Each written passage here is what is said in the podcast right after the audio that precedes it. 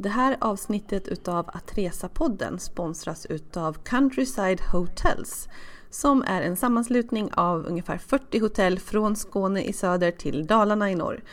Hotellen är en samling anrika slott, pampiga herrgårdar, charmiga värdshus, snygga designhotell och gemytliga pensionat och gästgiverier.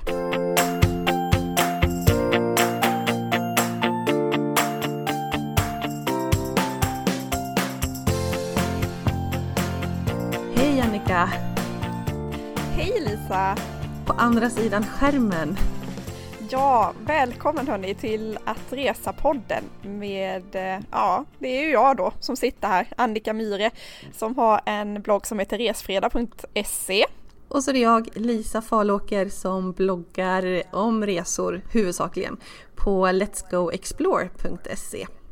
Och förra veckan tänkte jag säga, det börjar ju faktiskt ticka på lite grann nu, men förra gången så poddade vi om Galapagos och vi har pratat om Ecuador.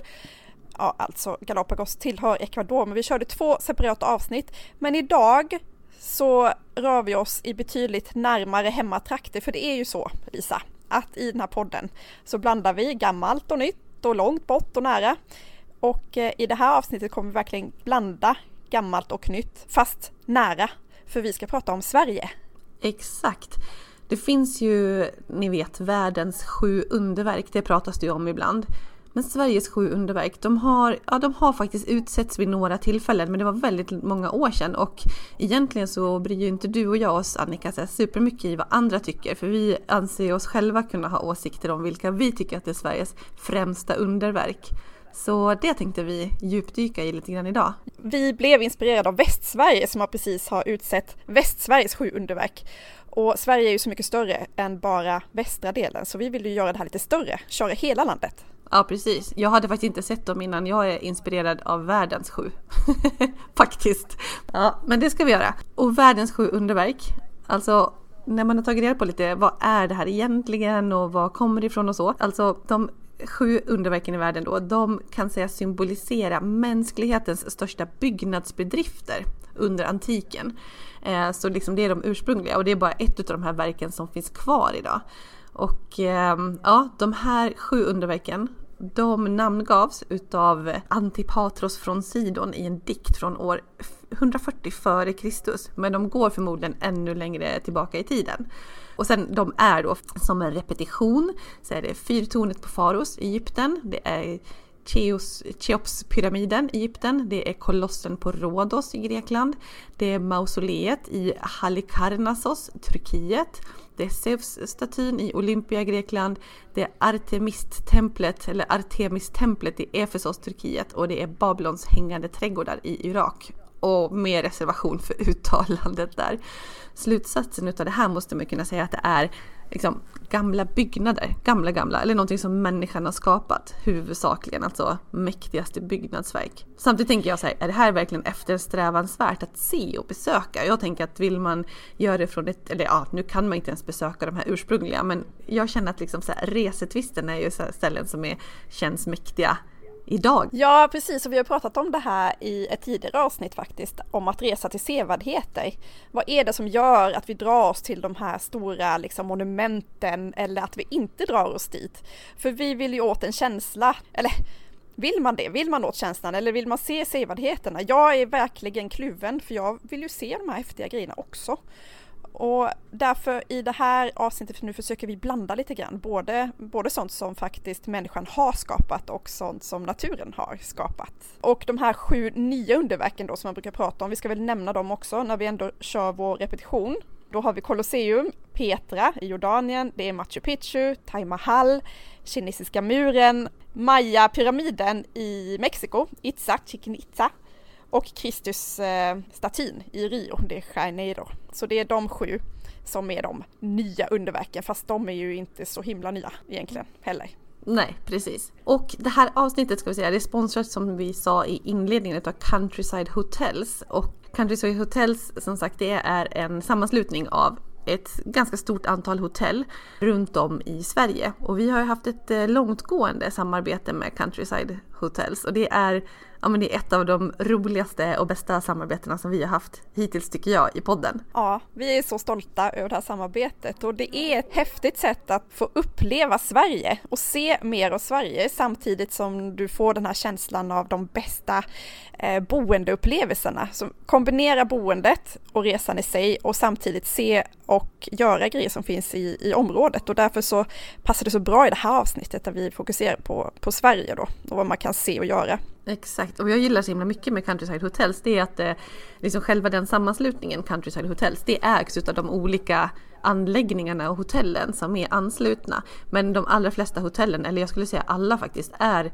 privatägda så. Så att det är ju liksom inte en stor kedja. Och varje sånt här hotell i sig, alltså det finns så mycket själ och hjärta i dem. Att människorna som driver och kanske äger de här hotellen har så ja, men äkta och innerlig känsla och kärlek till sina ställen och försöker verkligen göra det bästa utifrån förutsättningarna där. Och det kan ju vara allt ifrån att gamla gästgiverier som har funnits i alltså så otroligt länge och som lever på det och sin miljö. Och sen är ju alla det som knyter dem tillsammans, precis som namnet säger, Countryside Hotels, är att de verkar för en levande landsbygd. Så de är också viktiga arbetsgivare på sina orter och det mesta som produceras på restaurangerna, som ofta är av superhög klass, det är från så små lokala leverantörer där.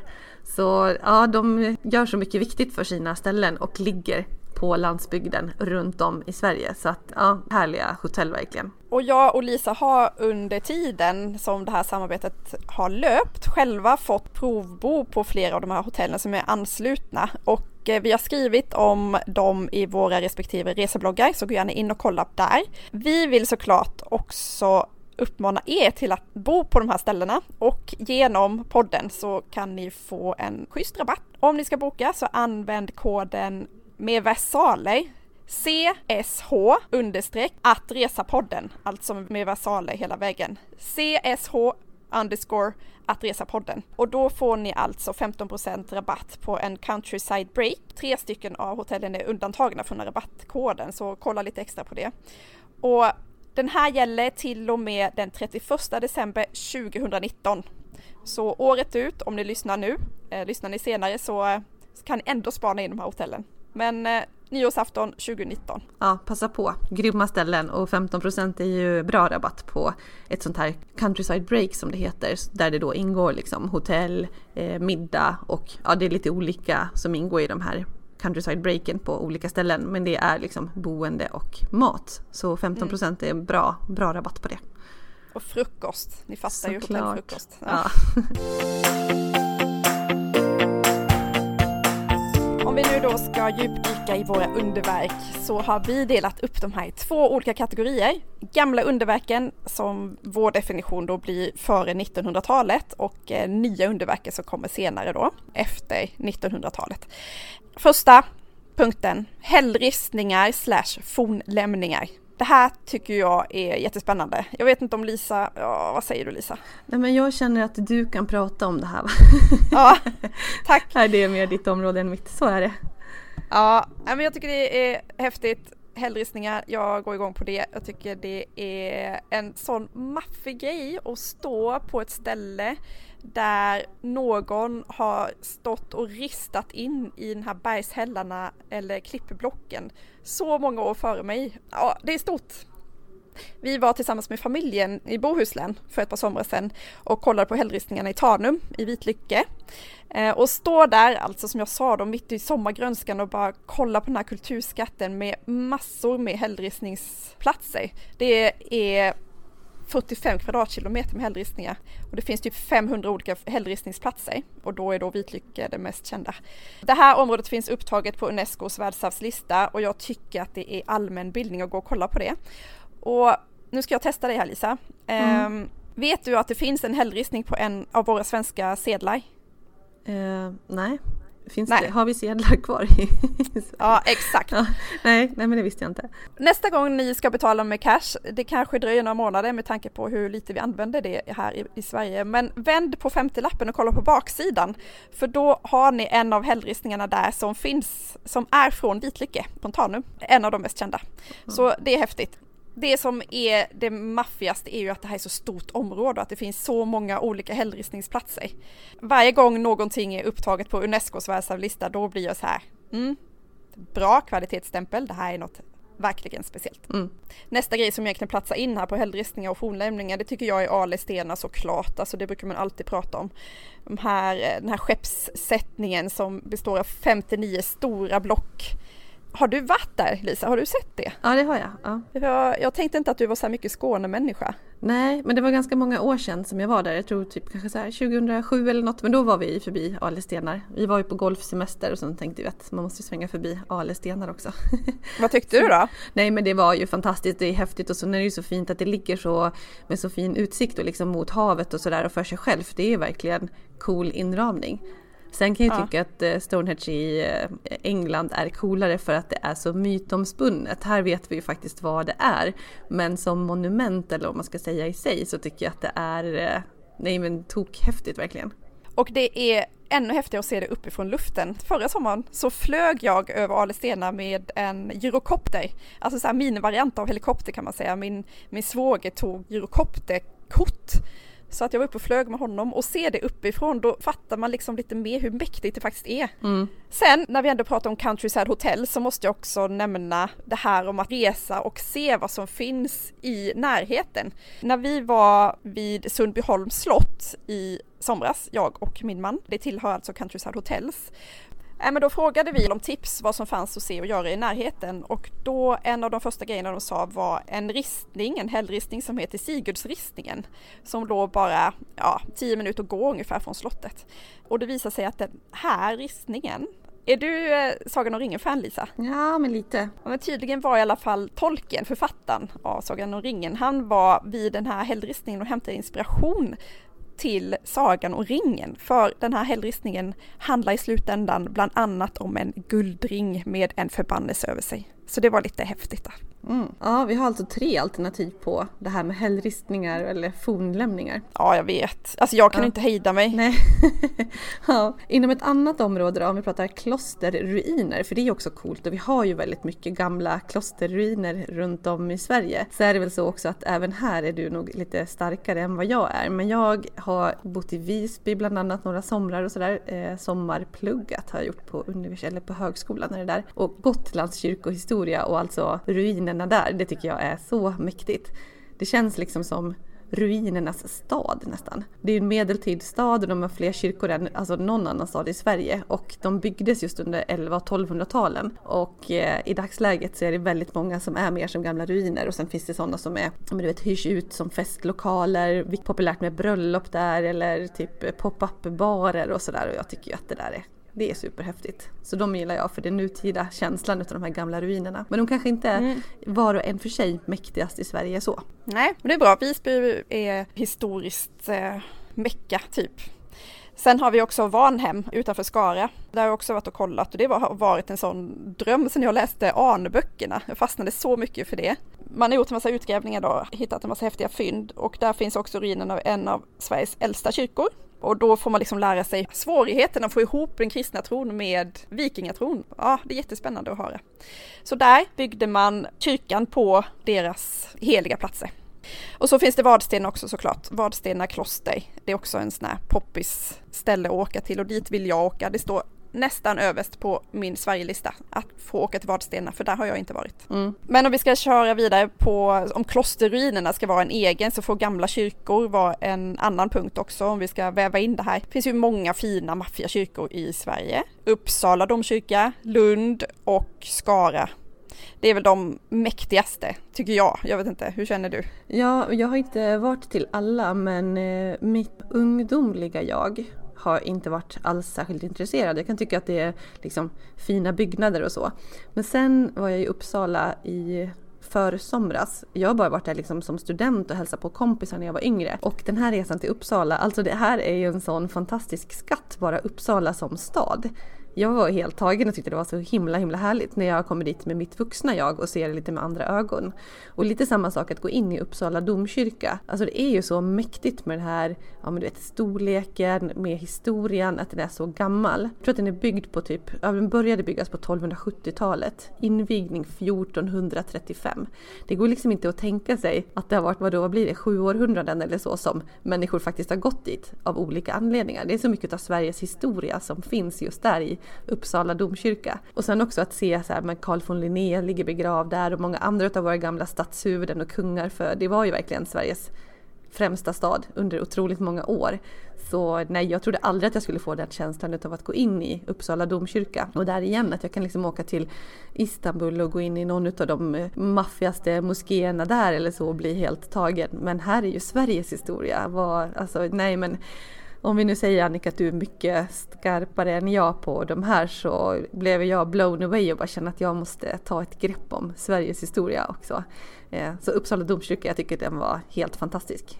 Ja, och där måste jag också rekommendera om ni åker dit att ta en guidad tur och faktiskt lyssna på guiden vad de berättar för det är så många små detaljer som är så roliga.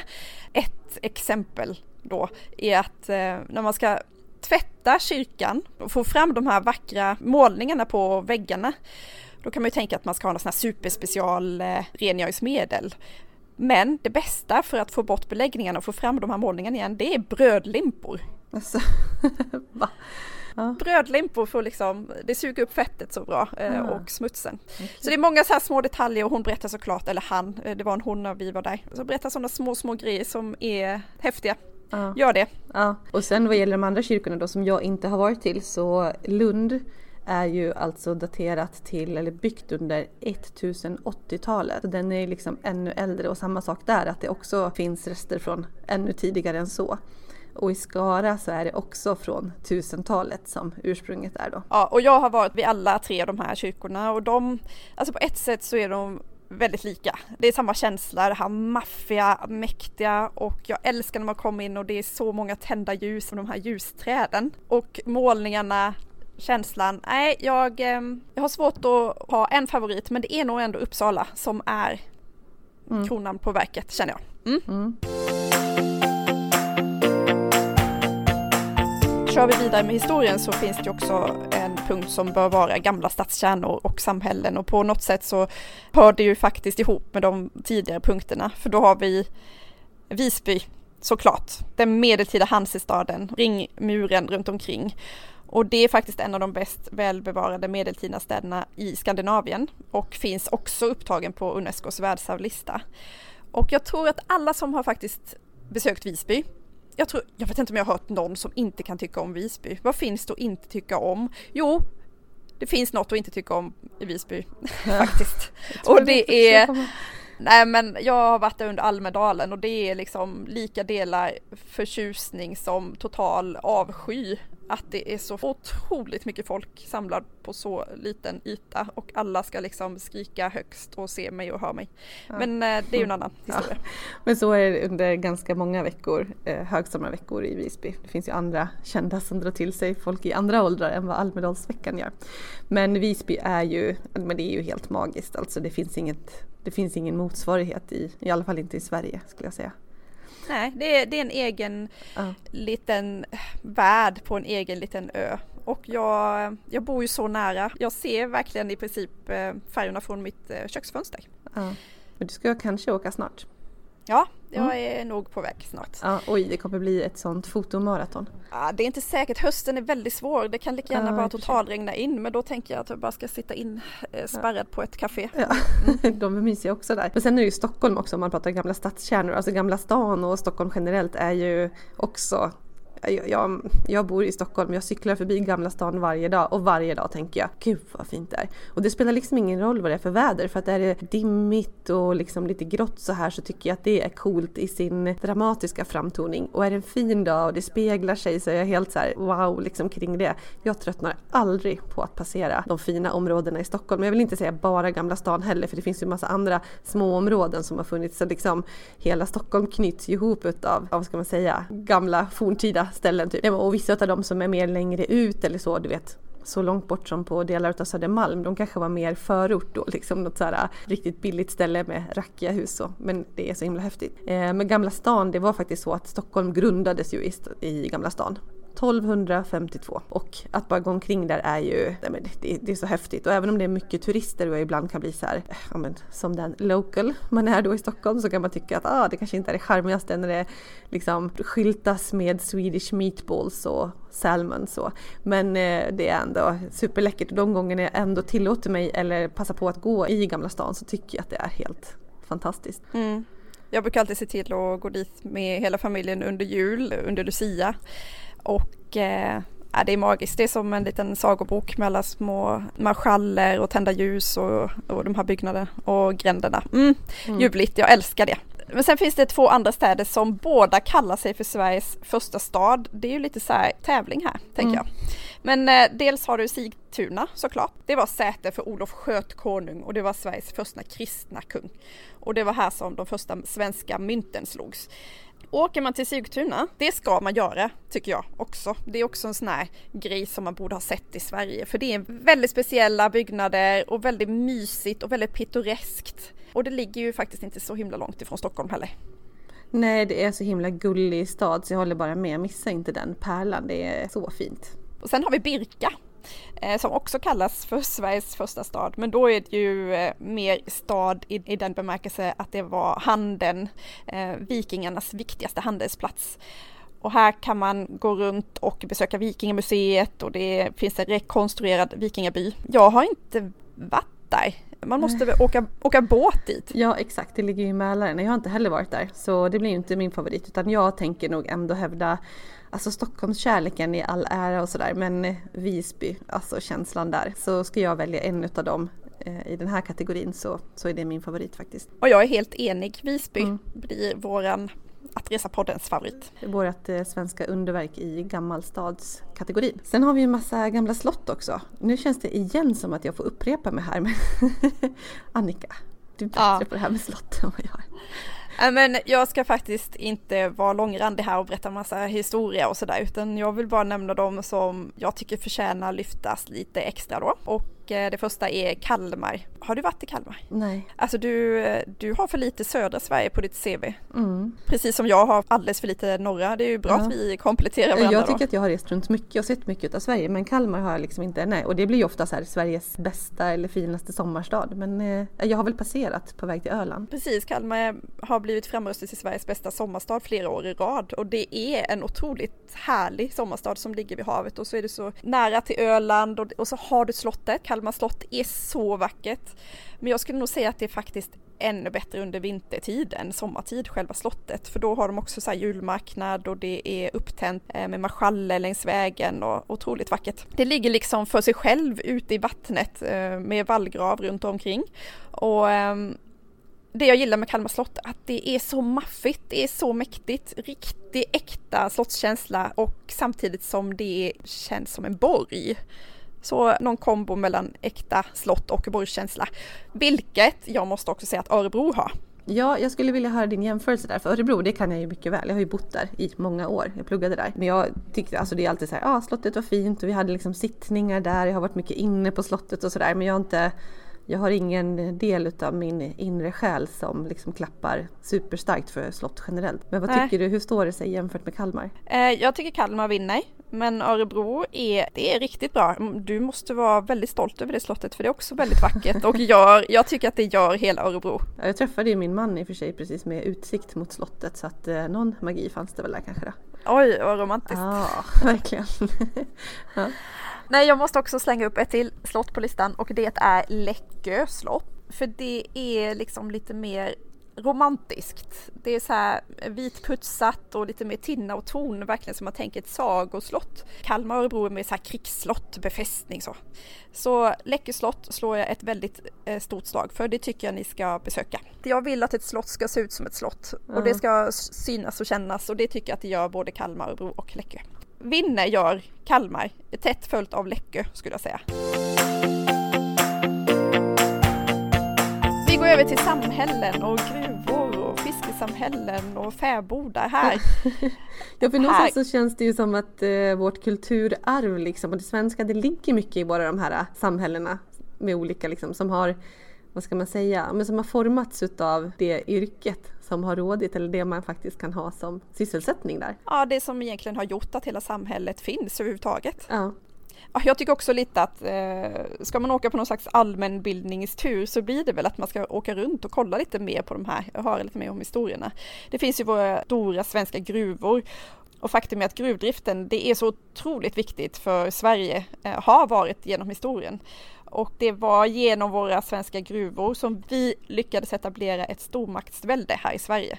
Mm. Men sen är väl inte de här samhällena, alltså de flesta har ju vuxit sig ganska stora. Jag menar så här, Falu koppargruva, Sala silvergruva, Kiruna, det är ju inte som samhällen, jag vet inte. Häftiga gruv, jag menar typ att åka till Falu koppargruva, det är ju det är otroligt häftigt verkligen. Jag gjorde det i somras med barnen, det var, ja, det var så himla himla kul, det kan jag verkligen rekommendera till alla.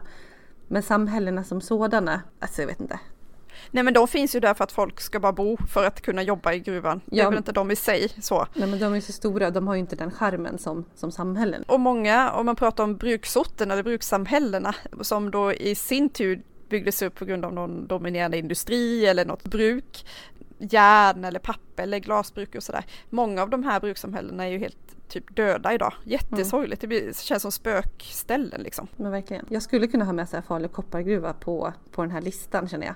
Men samtidigt om vi nu pratar så lite mer samhällen så är ju någonting som är himla charmigt är ju våra fiskesamhällen. Alltså Bohuslän, de här oerhört pittoreska, gulliga små samhällena som det inte finns någon motsvarighet till i princip Nej. på andra ställen. Ja, Norge kanske. Precis, Grundsund, Skärhamn, Orust, Fiskebäckskil, Fjällbacka. Allt det här som har haft fisk näringen som sin främsta inkomstkälla. Och jag vet, jag brukar också så benämna dem som pittoreska och mysiga och härliga. Mm. Och, men jag fick en kommentar på bloggen, jag skrev det någon gång, jag måste lyfta det för det var intressant. Det var en, en läsare som menade att du anar inte hur mycket slit och hur mycket hårt jobb som har legat bakom den här historien. Att det var verkligen inte bara pittoreskt och gulligt och sött utan det var verkligen hårt. Och när jag läste på lite mer om Orust eh, historien där, alltså fattar inte hur hårt de hade de här fiskefamiljerna och många dog ute på havet. Det finns så mycket historia när man väl börjar tänka och i, nästan i alla de här eh, samhällena, måste jag också tipsa om, så brukar det finnas något litet lokalt museum där man kan gå in och, och kika, oftast bara någon gammal fiskebod eller sådär. Men det kan vara intressant att få läsa lite mer om man tycker det, sånt är kul med museum och så. Och det tycker jag. Mm, sen vill ju jag höja en tredje kulturskatt eller något som man bara behöver uppleva och det är ju inte för att jag kommer från Dalarna och är biased utan på riktigt alltså fäbodsmiljöerna. Det är ju så häftigt tycker jag med de här riktigt gamla husen i samma stil. Eh, det här gråa, lite låga timmerstugorna. Härbren som så egentligen, ja de gick att flytta på de husen till. Vet du vad Herbre är Annika? Nej jag, nej, jag tänker bara härberget typ från eh, Jesus-sagorna. Nej, Herbre. H-E-R-B-R-E. Det är eh, små, typ, ja, men två stugor som brukar stå på tomten på Dalagårdar.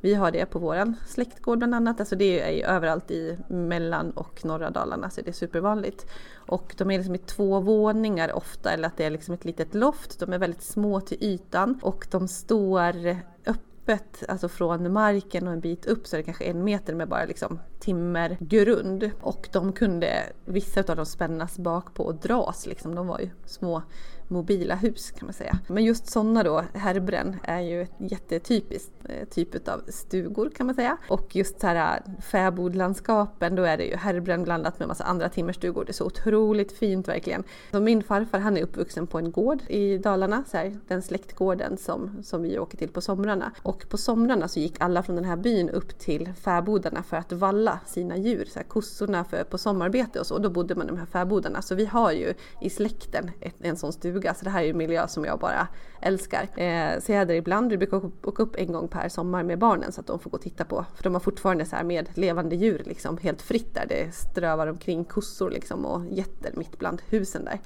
Eh, men ett eh, sånt ställe är Fryksås också i Dalarna som ligger norr om Rättvik, eh, vid Orsa kan man säga, med utsikt mot Orsasjön som också sitter ihop med Siljan. Och det åkte jag och Henke och bodde på ett countryside hotell där. En sån här gammal ja, pensionat får man nog säga, eller gästgiveri från back in the days som heter Fryksås gästgiveri. Och det ligger liksom i, ja, ihop med Orsa Grönklitt. Där jag vet att du har varit och åkt skidor med familjen och vi var ju där och åkte mountainbike i de här jättefina spåren. Det är helt fantastiska trailspår och mountainbikespår där. Och den eh, fäbodmiljön tror jag är den största och äldsta i Sverige. Ja, vad häftigt. Ja, för det där är också så främmande för mig. Men det är någonting speciellt med de byggnaderna, verkligen. Och jag tänker också på Hälsingegårdarna. Det är också världsarv från Unesco. Det finns, jag tror att det är sju stycken olika gårdar i Hälsingland som är så tidstypiska och som är så välbevarade. Dit vill jag också åka så jag kan också slänga in det här i under den här punkten, samhällen och platser som har format vårt samhälle. Vad har vi för favorit här då? Eh, ja, nej jag är inte alls eh, köpt på något sätt eller subjektiv när jag säger fäbodmiljö. Fäbodmiljön för Lisa, ja. jag säger nog fiskesamhällena då, slash Bohuslän. Men mm. det är bra. Mm. Om vi ska slänga in en punkt som heter landskap, det måste vi göra. Mm. Vi gillar ju naturvyer och vidder och vackra utsiktsplatser. Höga Kusten har vi snackat om väldigt mycket här i podden på senaste tiden och det är väl helt i tiden tänkte jag säga, för det gör väl de flesta. Jag tycker det lyfts överallt i tidningar och media och det är unikt på det sättet att fjäll möter hav och skärgård i ett helt fantastiskt landskap. Det är så speciellt eftersom eh, landhöjningen fortfarande pågår. Kusten har formats av istiden och nu reser det sig liksom sakta men säkert ur havet. Och det är ju också faktiskt ett av Unescos världsarv. Och jag tycker att eh, det här, den här delen av Sverige är så otroligt unik och jag eh, vill lyfta upp den på listan. Mm. Sen har vi ett annat världsarv och det är Laponia eller Laponia, jag vet inte riktigt hur man uttalar det. Men svenska Lappland, det är också ett världsarv och det är så speciellt eftersom det är så mycket sammanhängande, det är så gott som orörd natur. Mäktigt. Ja, nej men det, är, det är något unikt, verkligen. Vi skyndar oss på nästa punkt. Mm. Båt, båttrafik, vi måste nämna Göta kanal. Den här långa kanalen som går tvärs igenom från Mem till Söderköping till Sjötorp vid Vänern. 19 mil. Jag gissar att de flesta har någon slags koppling till Göta kanal om man har varit i de eh, hoodsen. I somras var vi och cyklade en bit längs kanalen. Det är ju häftigt att se det här och eh, slussningen som pågår vid sidan om och alla de här små slusshusen som ligger som då skulle bemanna de 58 slussarna som faktiskt finns längs kanalen. Så Göta kanal kan vi slänga in under båtar. Jag tänker också att någon slags fyr skulle passa in här. Jag har, eh, jag har blivit fyrfokuserad senaste tiden. Jag älskar fyrar. Jag skulle kunna bo i fyr. Mm, det kan man säkert. Det får, det får bli nästa. Men Vasaskeppet är ju också någonting otroligt unikt som nog kanske också faktiskt måste lyftas fram här. Vi tar det, det är häftigt. Ja. För att knyta an till eh, båttrafik och så så kör vi en sista punkt. Du vet, nu har vi nio punkter. Nej, men det är inte okej. Okay. Hur ska det kunna komma ner till sju tänker jag? Det är omöjligt. Nej, mm, vi, vi är får, dåliga. Vi får sammanfatta på slutet. Det finns för mycket att prata om. Ja. Nej, men det är mil militäranläggningar runt om i Sverige. Det är ändå en väldigt stor del av vår svenska historia. Och då finns det massa fästningar och det finns ju städer som är liksom typ uppbyggda också kring militära aktiviteter. Fästningar måste jag lyfta Karlsborgs fästning. Där var vi i somras med familjen första gången. Det här byggdes alltså som Sveriges reservhuvudstad. Mm. Så allting fanns förberett om det skulle bli krig i Stockholm och kungafamiljen och de viktiga människorna skulle få fly. Då skulle man, skulle man sätta dem inne i Karlsborgs fästning och pågick det som ett eget litet liv där innanför murarna. Så den har vi och sen har vi Varbergs fästning, det måste jag också lyfta. Oj vad jag är patisk, alla de här ställena har jag någon slags koppling till. Förstår ja, att det här jag är... Vet, jag tänker att jag lägger mig i här. Nej. Annika Bail, Soul och Hjärta och Uppväxt som pratar. Fast det är ju unika ställen, absolut. Ja, snälla någon. Alla de här ställena finns väl på mm. någon slags lista någonstans. Men Varbergs fästning, gillar du Varberg Lisa? Jag har inte varit där så mycket. Men, mm. men det är ju jättefint, alltså jag har ju varit där lite grann. Fästningen är ju krona på verket där. Nej men vi ska inte bli långrandiga, jag bara säger fästningen där. Och en annan plats som platsar kring militäranläggningar är ju Karlskrona som örlogsstad. Den är också upptagen på Unescos eh, världsarvslista. Och jag ska inte snacka med Karlskrona för då tror jag att jag kanske blir avstängd från den här podden. Nej, det är okej. Okay. Man får ha sina egna favoriter och som man återkommer till. Men du, nu om vi ska sammanfatta då. Sveriges sju underverk, de gamla klassiska. Vad blev listan? Ja, min lista ser ut så här. Sju, det är inte lätt, men Etta Tanums, alltså oberoende nu, in, inte så här etta till sju utan eh, De sju. de sju. Etta blir Tanums hällristningsområde eh, vid Vitlycke. Tvåa blir Varnhems klosterruiner tror jag faktiskt. Trea Uppsala domkyrka. Fyra Visby, medeltida stadskärnan där. Eh, femma Kalmar slott. Sexa Höga Kusten och sjua Karlskrona örlogsstad. Så ser min lista ut. Hur ser din ut? Ja. ja, jag vet inte, jag får ta den i bloggen men jag tror faktiskt att jag håller med om samma. Jag kanske tar Visby på klosterruiner men då behöver jag ändå ha det igen på stad där och sen hur ska jag få med mina fäbodar? Ja, jag får återkomma till det men det låter som en bra lista. Vad har ni för lista, hörni, lyssnare? Jag vill ju höra, jag vet att några av er är väldigt intresserade av att resa runt och kolla på olika sevärdheter och sådär av det som jag förstått av kommentarer och så. Det här vill vi veta såklart. Men det här är ju kul med Sveriges främsta underverk. Och om vi går in på nya, lite så här, äh, alltså det här är ju vår väldigt lösa definition, men mer så skapade eller bildade under lite mer nutida, kanske 1900-tal och framåt någonstans. Om vi börjar med broar, alltså broar är ju ett monument i sig. De fyller ju ett starkt syfte, men jag tycker broar är så himla häftiga. Jag, ja, jag vet inte vad det är med, med broar och det finns ju runt om i världen också. Om man säger så här, Golden Gate-bron i San Francisco och liknande. Det finns ju en massa väldigt, väldigt kända broar. I Sverige har vi ju några som vi kan vara extra stolta över, eller som är häftiga.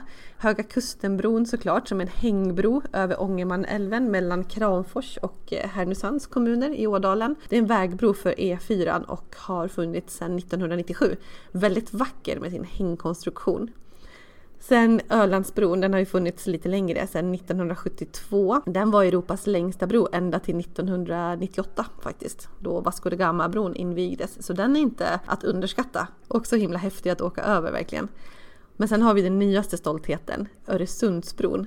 Den är ju så lång och den har ju varit så omtvistad. Förstå vad många år man hade pratat om den innan man bestämde sig för att faktiskt bygga bron som sammanbinder Sverige och Danmark. Det är coolt tycker jag att det finns en bro där och den är 15,9 kilometer lång, öppnade 2000. Ja, jag tycker det är så symboliskt att den öppnade verkligen 2000. Det blev som liksom en väg in i det nya årtusendet som faktiskt började då. Och av de här tre broarna så är för mig Öresundsbron överlägsen. Jag tycker de andra är häftiga men alltså som du säger, den här förbindelsen, det blir liksom Sveriges väg ner mot Europa, en hel Ja. kontinent som ligger öppen för oss. Jag tycker det är så häftigt. Ja, verkligen. Och sen är det ju så mäktigt som byggnadsverk också, för det var ju det vi sa inledningsvis, att det här är ju världens mäktigaste byggnadsverk. Och att den liksom står på konstgjorda öar och liksom hela den här konstruktionen är ju, ja wow. Ja men förstå bygga det. Jag Ja. vet, jag har en bekant som jobbade som dykare under den perioden. Så många år Mm. att bara förbereda. Ja, Jag är så imponerad över Ja. de som överhuvudtaget konstruerade den här Ja. mäktiga bron. Mm. Det känns som att vi har en given, ny, un, given utsedd ny underverk utav Att resa-podden. Absolut, Ja. Öresundsbron. Japp. Byggnadsverk då? Då får vi också ner och kika lite ner mot Malmö. De vet vad de gör. De har lite storhetsvansinne där nere verkar det så. Mm. Men då är det Turning Torso såklart. Och det är Sveriges, och, men också Nordens högsta skyskrapa. Det får man ändå ge dem att de har gett sig på en skyskrapa som Ja. ligger nere vid Västra hamnen. Ja, och som är Eh, snurrad i luften. Ja, den är ju inte bara skyskrapa utan det är ju en väldigt speciell skyskrapa. Den har ju blivit en symbol för Malmö nu och i huvudsak så är det faktiskt bostadshus. Man kan ju tänka att det är mycket kontor där men det är mest bostäder som jag har förstått det. Yes. Globen Lisa, vad säger vi om Globen? Ja, men jag gillar Globen. Det var ju så coolt att den öppnade 1989 för den som är intresserad av årtal. Världens största sefäriska byggnad. Och den är ju verkligen ett landmärke, alltså vad man än tycker. Och jag tycker att det är så fint när den lyser på kvällarna, om det kan vara i olika färger beroende på vilket event det är. Och nej, men jag är helt för Globen. Jag kan inte fatta att jag inte har varit uppe och åkt på den här kupan eller vad man ska säga, skyliften. De ju på utseendet till Globen. Jag måste göra det. Nej, jag har inte gjort det heller. Och jag gillar också Globen. Det, det är ju verkligen så här, åh jag ser ända bort till Globen. Det är som ett, Ja, det är ett landmärke. jag gillar också Globen. Mm.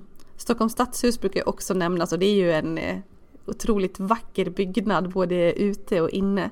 Så, och den var ju, jag tror att den byggdes tidigt 1900-tal och var verkligen så här, ja men vi ska ha ett kommunalhus med festvåning här med bästa utsikt och den cyklar jag också förbi varje dag till jobbet. Och det är mycket turister där utanför och som kommer i stora busslaster. Men jag förstår det, jag kan själv ibland att nej men nu måste jag bara ställa cykeln och gå ner till kajkanten här och titta ut mot Gamla stan och Söders höjder och jag tycker att det är så himla fint och med detta mäktiga stadshus bakom mig. Ja, och jag tänker också att det blir ett symbol för hela Sverige med mm. Nobelpriset och allting. Ja. Blå hallen och ja, det är Ja, det är verkligen. Gyllene salen. Och... Men jag säger Globen.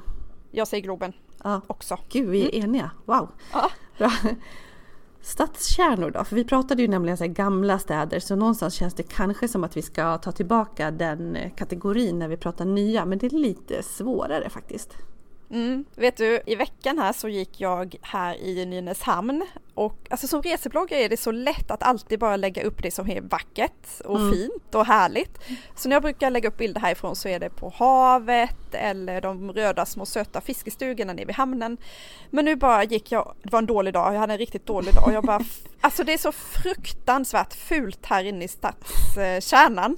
Så jag tog en bild och la ut bara, nej det här är, det här är katastrof. Och då är den här klassiska Konsumbyggnaden, mm. eh, det fula, de fula stadskärnorna, alltså Sveriges skam, alla de här, ja, skammen. Mm. Skam. Får man väl säga. Funktionalismen som skövlade, skövlade sönder våra svenska fina vackra stadskärnor och uh. ersattes av de här Ja, du vet, du är uppvuxen i Borlänge. Ja, men vet du, jag måste faktiskt berätta om Borlänge nu. Två saker som jag tycker är fantastiska. För att man blev ju utsedd till Sveriges fulaste stad i något så här arkitektuppropet. Och eh, det som... Upp, upproret. Upproret, ja. Och det som eh, Borlänge gjorde då framför allt med en tjej som heter Angelica Ekholm i spetsen som jobbar som näringslivschef tror jag att det är hennes titel i Borlänge. Hon vände ju det här och det var någon som sa vid kaffeautomaten att så här, hellre ful och trevlig än snygg och tråkig. Och så använder man det som sin devis och om man nu så här googlar modern stadskärna i Sverige så kommer Borlänge upp. Alltså det är så mycket liksom, Google-träffar på det här. Och i förrgår, i den här veckan, så blev Angelica utsedd till eh, årets marknadsröst, liksom årets eh, marknadsföringsröst just för inom alla offentliga verksamheter. Så att Borlänge tog med sig ett pris i och med det som Angelica, som är en kompis med mig, har jobbat, ja men jag ska säga hjärnan bakom ansiktet utåt för jobbat hårt för. Så att man har liksom verkligen vänt det här till någonting positivt. Jag tycker det är skitcoolt. Så Borlänge som stadskärna, det är häftigt på ett alternativt sätt så. Och en annan sak, så det tycker jag är coolt, hon heter, jag tror att det hette Årets eh, megafon eller något sånt 2019. Så grattis Angelica, du är grym, heja Borlänge. Eh, och en annan sak som man faktiskt, apropå att det är också en väldigt sömnig stadskärna, för det var det jag sa till dig när jag såg den bilden från eh, Nynäshamn, att Ja, det ser ut som Bålänge. Men man har beslutat nu att flytta högskolan i Bålänge, som är ganska stor faktiskt, in till stadskärnan. Och då är det just en sån, om jag förstod bilderna rätt, gamla Coop eller Konsumbyggnaden eller Domus som det hette på den tiden, som kommer byggas om till något fräschare, nyare och rymma högskolan. Och jag tycker att det är ett sjukt eh, häftigt beslut liksom att man väljer att det blir något helt annat. Det kommer bli något helt annat. Ja, vad glad jag blir mm. att höra det. Eller hur? Eller hur? Lite sidospår. Jag ber om ursäkt ja. sidospåret men jag kände att jag kan inte låta bli att säga det. Nej men det passar jättebra in. Vi måste ja. ju lyfta, lyfta allt mm. som är positivt med de här gråa skamfläckarna tänkte jag säga. Vad kul att de bygger om! skamfläckarna. Om du får prata Örlogsstaden Karlskrona så får jag nämna Borlänge.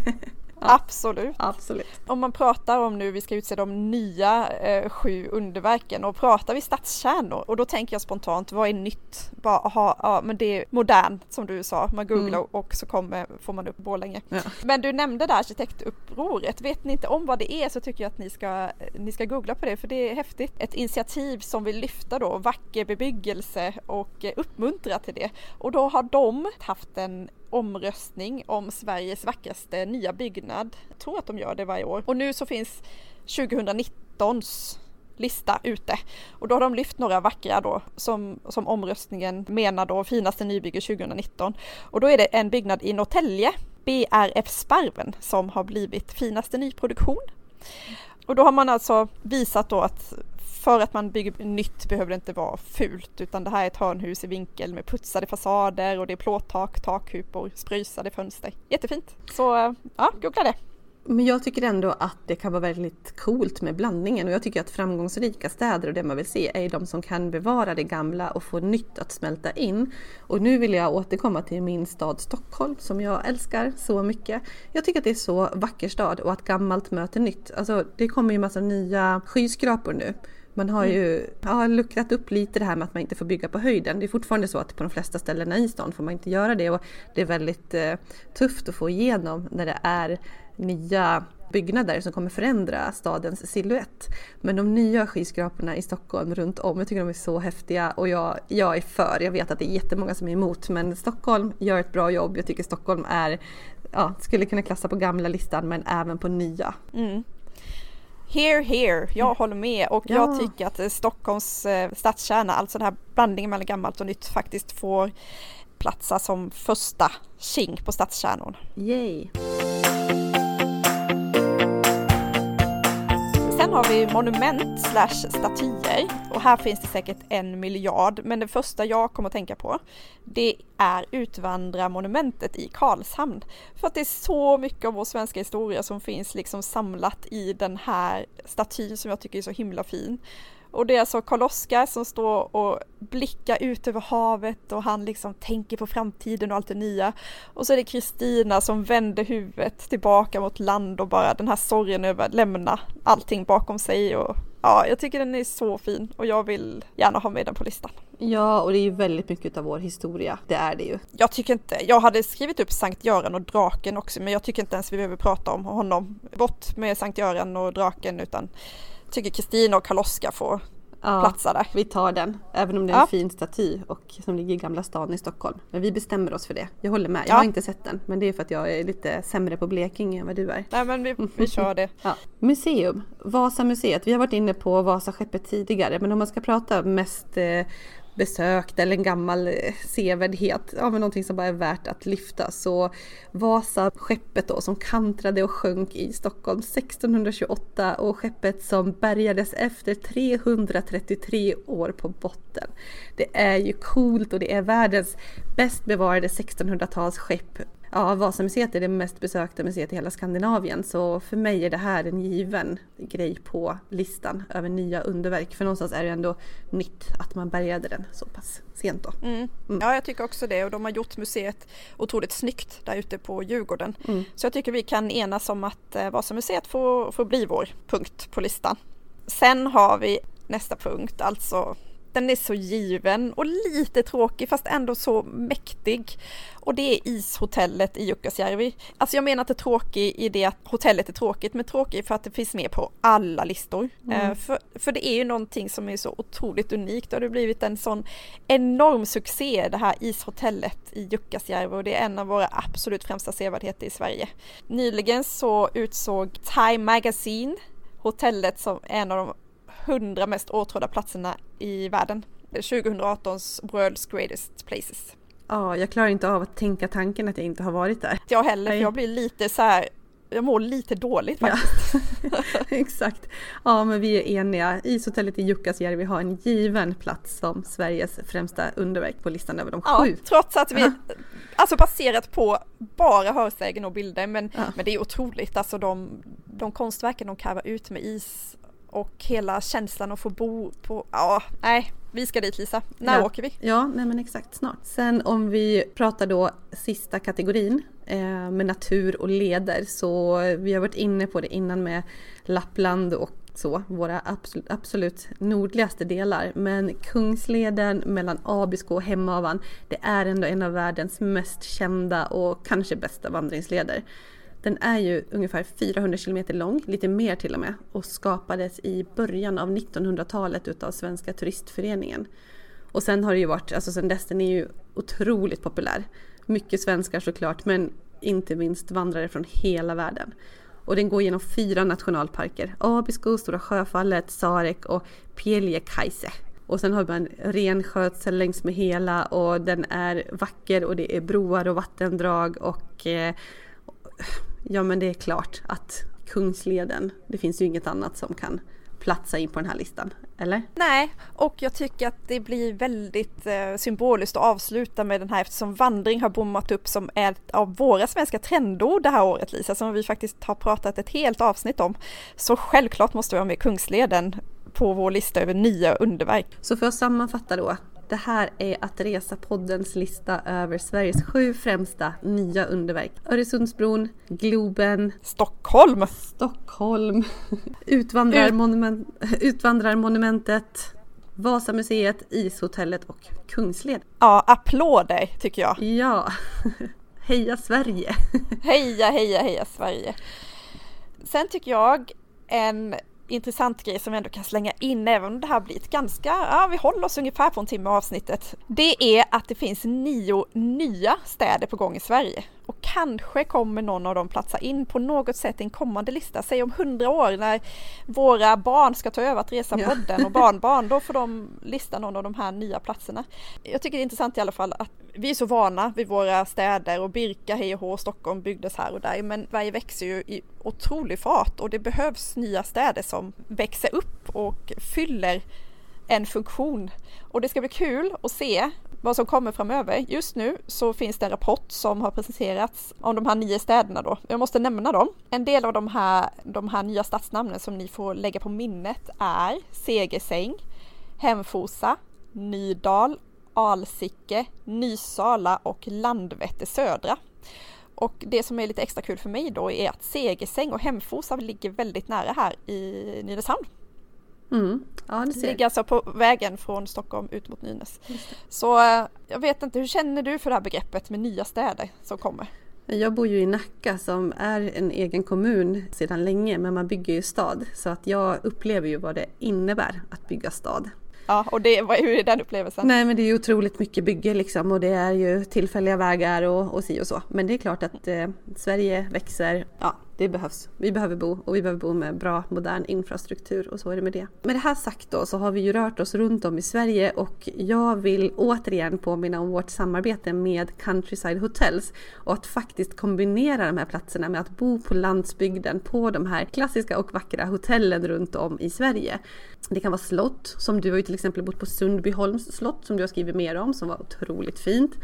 Eh, jag har bott på klassiska Hästraviken som är en gammal herrgård och ligger vackert som bara den i Småland nära Hästra och Isaberg där vi cyklar massa mountainbike också. Eh, jag har varit på Fryksås hotell och gästgiveri som är också så med ett gammalt pensionat, gästgiveri med långa, långa anor. Och samma sak gäller i Skåne på Brösarps gästgiveri och spa som du var på.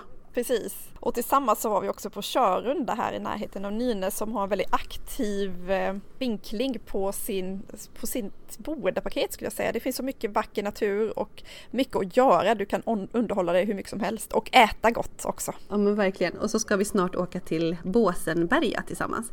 Så läsning om alla de här ställena hittar du på våra, hem, eller våra bloggar och i våra andra sociala kanaler. Och glöm inte att koden då CSH, det står ju alltså för Countries Countryside Hotels. CSH underscore att resa-podden i ett ord ger 15% rabatt på ett Countryside Break. Och skriv med versale, alltså stora ja. bokstäver. Ja. är det som gäller. Mm.